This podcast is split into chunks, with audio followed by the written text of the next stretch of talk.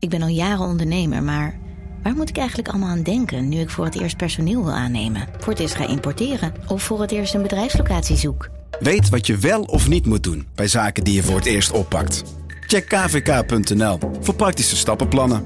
KVK, hou vast voor ondernemers.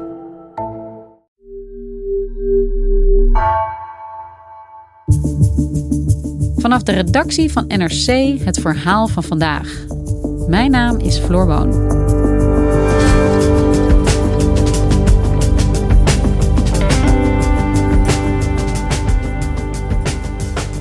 Aan de oostgrens van Oekraïne verzamelde Rusland de afgelopen maanden 100.000 militairen.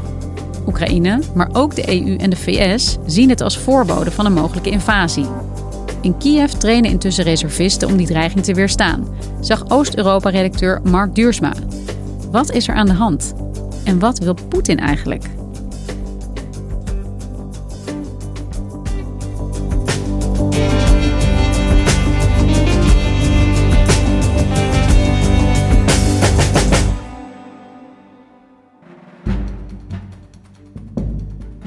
Ik was afgelopen zaterdag aanwezig bij een training van reservisten voor het Oekraïense leger in een bos buiten Kiev. Het was een bijzondere ervaring. Was eerst uh, gingen we naar een verzamelpunt aan de rand van de stad bij een supermarkt. Daar uh, stonden een stuk of 50 mensen al, uh, al klaar. Een beetje opgewekte sfeer, grapjes maken. ze vroegen aan mij als, als journalist dat was wel serieuze zorg of ik wel een muts eh, bij me had, want het zou een koude dag worden. Nou, die had ik gelukkig bij me. En vandaar met een aantal auto's naar eh, een plek in het bos waar ook een uh, verlaten cementfabriek uh, was. En dat is het oefenterrein voor die reservisten. Dat zijn burgers die zich hebben aangemeld om te leren vechten. En wat voor mensen kom je daar tegen? Ja, allerlei mensen. Gewoon, kijk, door de week hebben ze allerlei beroepen. Ik sprak een vrouw die uh, doet de administratie op een middelbare school. Um, een jongen van 23, uh, bouwvakker. Ook uh, vond ik bijzonder een man die was tolk voor bij een bedrijf voor medische apparaten. Maar die had in 1992 één jaar in Utrecht gestudeerd, Nederlands. En die sprak nog steeds hartstikke goed Nederlands. Ja, vandaag hebben wij de training van de, een bataljon, een Kievse bataljon van de territoriale verdediging. Uh, terwijl wij doen uh, ambush en counter ambush. Zo neemt u me niet kwalijk, ik weet niet hoe moest die dat in Nederland zijn. Wat ze daar gingen doen in het bos was uh, vooral leren omgaan met wapens. Ze hadden allemaal uh, nepwapens. Uh, sommige van hout, andere wat, wat geavanceerder, maar allemaal nep. En er werden door een paar instructeurs van het leger, die legden dan uit van, uh, ja, hoe ze moesten staan, hoe ze moesten sluipen met dat wapen. En, uh, maar ook in, in, die, in zo'n ruïne, hoe je om hoekjes heen je positie kunt verdedigen. En ja, echt een militaire training. Al die reservisten, dat is, de, de, het is van de Territorial Defense Forces, zo heet het. En ja, dat is dus een aanvulling op het reguliere leger. Dat, dit bestaat uit 250.000 soldaten. En die groep reservisten is op dit moment uh, 900.000. Dus dat is uh, aanzienlijk. En ja, zij bereiden zich voor op een mogelijke Russische invasie. Ja, we hebben de journalisten, de dokters, de uh, zakenmensen ook. Verschillende mensen ja. die gewoon willen Oekraïne verdedigen tegen de Russische invasie. Ja, want de invasie, dan hebben we het over Rusland die nu een grote militaire dreiging vormt aan de oostgrens met Oekraïne. Nou, wat er nu aan de grens verzameld is, is volgens Amerikaanse veiligheidsdiensten en ook wel andere bronnen met, uh, met satellietbeelden en zo, uh, zo rond de 100.000 soldaten, los van al het materieel. En dat is dus op verschillende plekken, uh, met name aan de oostgrens, maar ook in het zuiden en ook op de Krim, op het schiereiland dat in 2014 al is geannexeerd door Rusland. Dus echt een, een complete uh, macht die daar aan de grens staat en ja, gereed lijkt om de grens over te steken. En dat is natuurlijk heel bedreigend. Vooral ook gezien het feit dat er al bijna acht jaar een oorlog gaande is in het oosten van Oekraïne. Ja, want in 2014 heeft Rusland de Krim, het schiereiland aan de zuidkust van Oekraïne ingenomen. En sindsdien zijn de spanningen eigenlijk nooit weg geweest. Klopt. Nee, en dat was ook wel een van de dingen die ik tijdens mijn bezoek heb gemerkt. Dat ik denk dat we in het Westen toch ons te weinig rekenschap van hebben gegeven hoezeer uh, Oekraïne gewoon al die tijd al in oorlog is geweest. We wisten natuurlijk wel dat er een, een, een strijd gaande was, maar voor Oekraïners is het gewoon een hele reële oorlog die al die jaren al gaande is met uh, bijna 14.000 doden sinds 2014. En ja, dat speelt zich allemaal af in de Donbass, in die twee oblasts, die twee districten in het oosten, Donetsk en Lugansk, waar ja, pro-Russische separatisten vechten tegen het Oekraïnse leger. Er zijn ook 400.000 mensen die daar al gediend hebben. Dus iedereen heeft wel uh, via via iemand die daar uh, gevochten heeft. Dus het is, ja, dat kleurt die samenleving toch wel heel erg. En jij bent naar Oekraïne gegaan, ook om te kijken hoe het daar is en om te kijken hoe er in Oekraïne wordt gereageerd op deze spanningen. Hoe is de stemming daar? Ja, nou, ik ben vooral in Kiev geweest, in de hoofdstad. Uh, dat is ver weg van, uh, van de frontlinie in het oosten. En daar is er weinig van te merken. De, de kerstmarkt werd opgebouwd uh, bij de Sofia-kathedraal. De winkelcentra zijn vol. Ja, gewoon een prettige sfeer eigenlijk. Maar ja, ondertussen uh, speelt dit steeds wel uh, op de achtergrond. Want bijvoorbeeld het stadsbestuur heeft wel maatregelen aangekondigd voor hoe mensen zich moeten gedragen. Uh, en dat de schuilkelders die worden opnieuw geïnspecteerd. Dus in die zin is men er natuurlijk wel degelijk mee bezig. Kijk, mensen zijn er wel bij betrokken. Het, het is wel een, een, iets wat meteen ter sprake komt. Ik, ik, vroeg er natuurlijk ook wel naar, maar goed, het is, je, je merkt iedereen is er gewoon heel erg van doordrongen. En vooral van het conflict wat al jaren gaande is. Maar ook wel van de dreiging die, die nu speelt. En hoe is die band met Rusland? Waarom is die dreiging van Rusland aan die grens zo groot? Ja, kijk, voor Rusland en met name dan voor Poetin is Oekraïne eigenlijk. Um, hij vindt dat het bij Rusland hoort. Wat natuurlijk het geval was tot 91, totdat de Sovjet-Unie uh, instortte ja, was het net als veel omringende landen een deel van, van de Sovjet-Unie. Maar met Oekraïne heeft, vindt Poetin is een speciale historische band. Hij heeft het ook graag over één volk. En, en er zijn ook al er zijn ook wel ja, historische, culturele parallellen. En uh, Russisch was altijd ook wel spreektaal. Dus president Zelensky die is ook gewoon Russisch-talig opgegroeid. Is pas later Oekraïens gaan praten. En dat maakt het hele conflict ook denk ik heel of extra pijnlijk. Want ik sprak ook mensen die, die, die zeggen ook van ja, dit voelt als verraad. Van, ja, dat waren ooit goede buren, een soort broedervolk. En dat, uh, nu staan we tegenover elkaar. En in die zin is het natuurlijk ook heel paradoxaal wat Poetin aan het doen is. Omdat hij zegt dat hij de, de, de banden met Oekraïne wil herstellen. Maar het, het enige wat hij de afgelopen jaren heeft gedaan is Oekraïne van Rusland afduwen. En waarom voert Rusland nu die druk zo op? Wat wil Poetin eigenlijk? Nou, daar wordt veel over gespeculeerd. Wat wil Poetin? Inderdaad, dat is een beetje de, de, hoofdvraag op dit moment in dit hele conflict. Niemand weet het. Uh, er, maar er zijn veel theorieën over. Kijk, formeel zou het gaan om zijn angst voor uh, de NAVO. Dat is, dat is zoals Rusland het uh, brengt. Zij, zij, vinden dat de NAVO te veel oprukt naar het oosten. En dat dat, dat, dat de, de, veiligheid van Rusland bedreigt. Dat is iets raars, omdat er, is helemaal geen uh, NAVO-lidmaatschap van Oekraïne is op het moment helemaal niet aan de orde. Dus daarom wordt er ook wel uh, veel over getwijfeld of dat nou werkelijk uh, erachter zit. En of het misschien niet veel meer is dat, dat hij gewoon zijn, de, de oude invloedssfeer wil herstellen. En, en dat hij gehecht is aan ja, het oude systeem met bufferstaten. En dat hij dat weer terug wil creëren. Ja, invloedssfeer, bufferstaten, dit zijn termen die klinken mij eh, van eh, lang vervlogen tijden uit eh, de Koude Oorlog eigenlijk. Klopt, ja. Maar kan je uitleggen wat bedoelt Poetin daar precies mee? Nou ja, klopt. Het zijn inderdaad uh, termen uit andere tijden. Uh, dat past op zich wel bij Poetin. Want wat bekend is dat hij vooral terugkijkt. Dat hij, dat hij een soort heimwee heeft naar de grootste uh, Sovjet-Unie-glorie dat hij dat wel zou willen herstellen. En nou ja, in de Koude Oorlog was het een situatie waarbij de grootmachten ja, de wereld verdeelden in invloedssferen. En, de Verenigde Staten, ja, Rusland. Ja, die twee eigenlijk. Dat, dat was de grote tegenstelling. En uh, daar werd de rest van de wereld was daar een beetje ondergeschikt aan. En ja, dat is in 1945 eigenlijk is, is de toon daarvoor gezet bij de conferentie van Yalta op de Krim. Met het overleg tussen Roosevelt, Churchill en Stalin. Waarbij gewoon op de kaart werd getekend en verdeeld. The three parties reach a firm accord on military and political points. Coordinated plans are made for great new blows against Germany from all directions.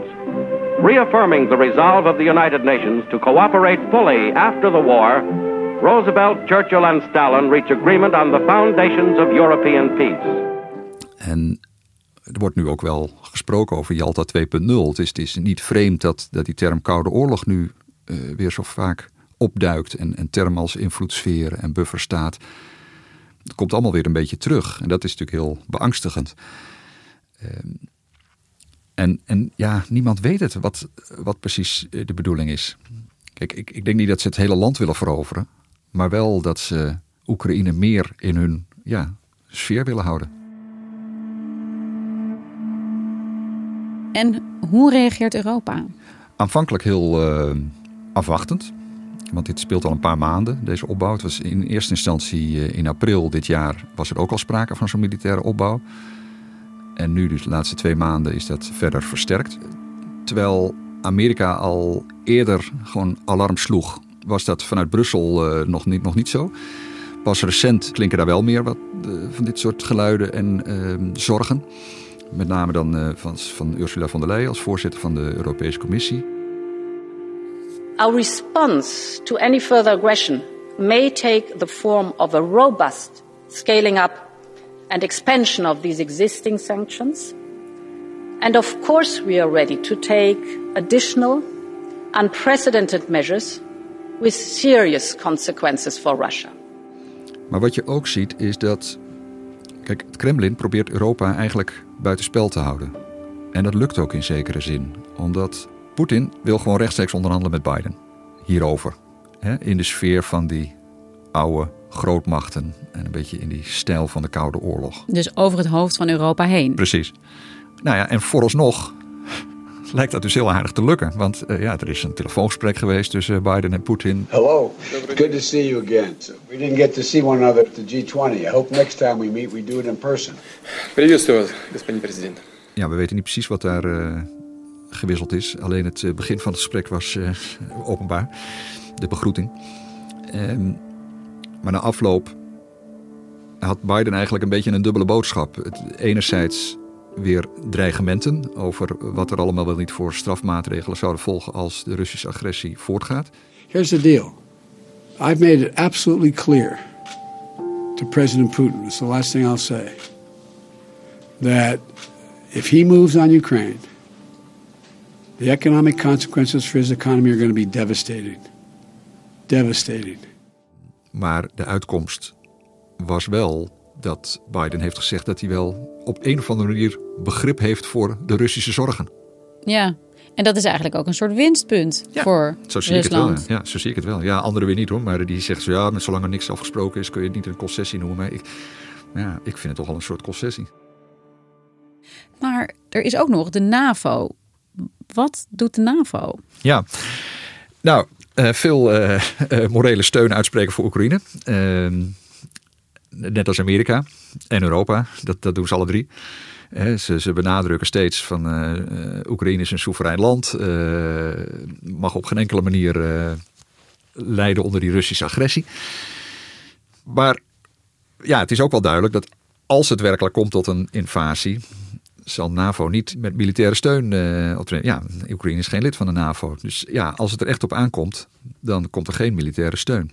En Poetin heeft ook een lijst met eisen aan de NAVO gepresenteerd. Wat doet de NAVO daar eigenlijk mee? Ja, nou, dat is heel interessant. Het is inderdaad afgelopen vrijdag uh, door het Kremlin uh, gepubliceerd. Rusland komt met zware eisen aan het Westen om een einde te maken aan de spanningen die er zijn. Moskou wil dat de NAVO zijn troepen en wapens terugtrekt uit Oost-Europa en afstand neemt van Oekraïne. Twee lijstjes. Een lijstje met uh, eisen aan uh, de NAVO en eentje aan de uh, VS. En alvast in de vorm van een contract. Dus uh, heel optimistisch. Van, nou, u kunt tekenen bij het kruisje.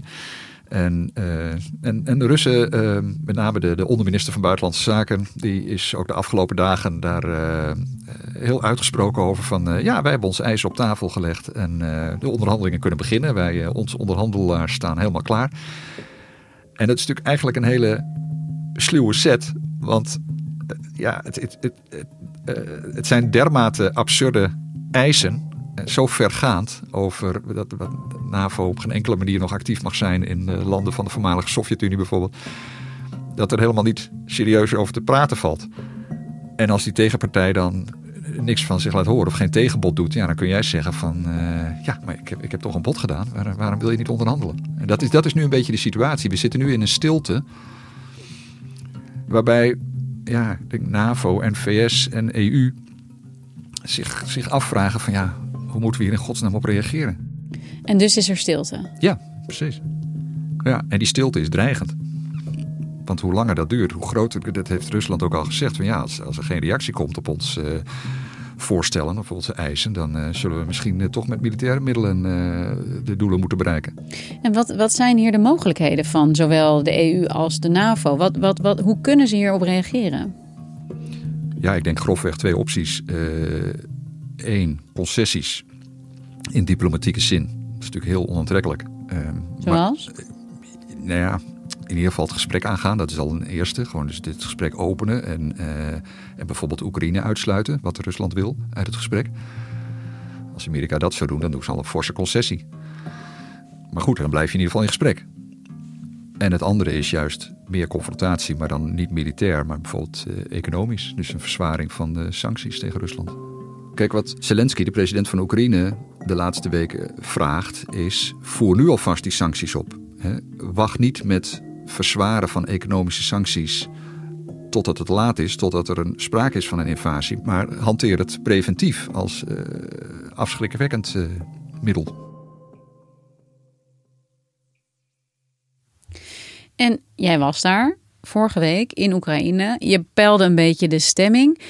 Ja, hoe realistisch is het, denk je, afgaande op wat jij hebt gezien en gehoord, dat er ook echt een invasie gaat komen van Rusland? Ja, dat, dat was natuurlijk inderdaad ook steeds de vraag aan mensen. En eigenlijk krijg je steeds hetzelfde antwoord. Uh, mensen zeggen van, we weten niet, maar het zou heel goed kunnen. En als het gebeurt, willen we er klaar voor zijn. Ik proefde wel heel veel, ja, het is ook een soort stoerheid vanuit patriotisme misschien. Niet zozeer angst, maar meer van ja, als het gebeurt, dan, uh, dan vechten we terug. En jij, ging jij daar met een beetje een gerust gevoel weg? Of blijft het heel ongewis? Het blijft heel ongewis, ja. Nee, ik was, nee niet gerust gevoel. Ho, uh, hooguit het gevoel dat men zich in de hoofdstad... dat er geen paniek is of, of angst in de hoofdstad. Maar nee, zeker, zeker niet gerust op, op de afloop. Want het is ook Kijk, ik denk als er, als er zoveel militairen aan de grens staan, dan hoeft er ook maar iets te gebeuren en het, het kan escaleren. Natuurlijk, van, zelfs onbedoeld.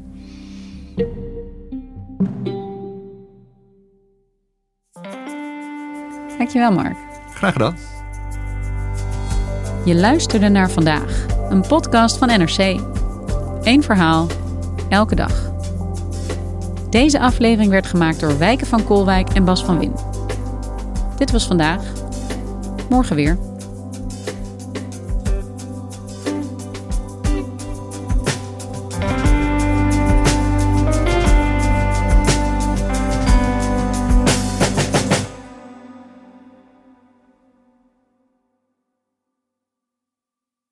Technologie lijkt tegenwoordig het antwoord op iedere uitdaging. Bij PwC zien we dit anders. Als we de potentie van technologie willen benutten kunnen we niet zonder een menselijk perspectief. Human-led, tech-powered noemen we dat. Ga naar pwc.nl.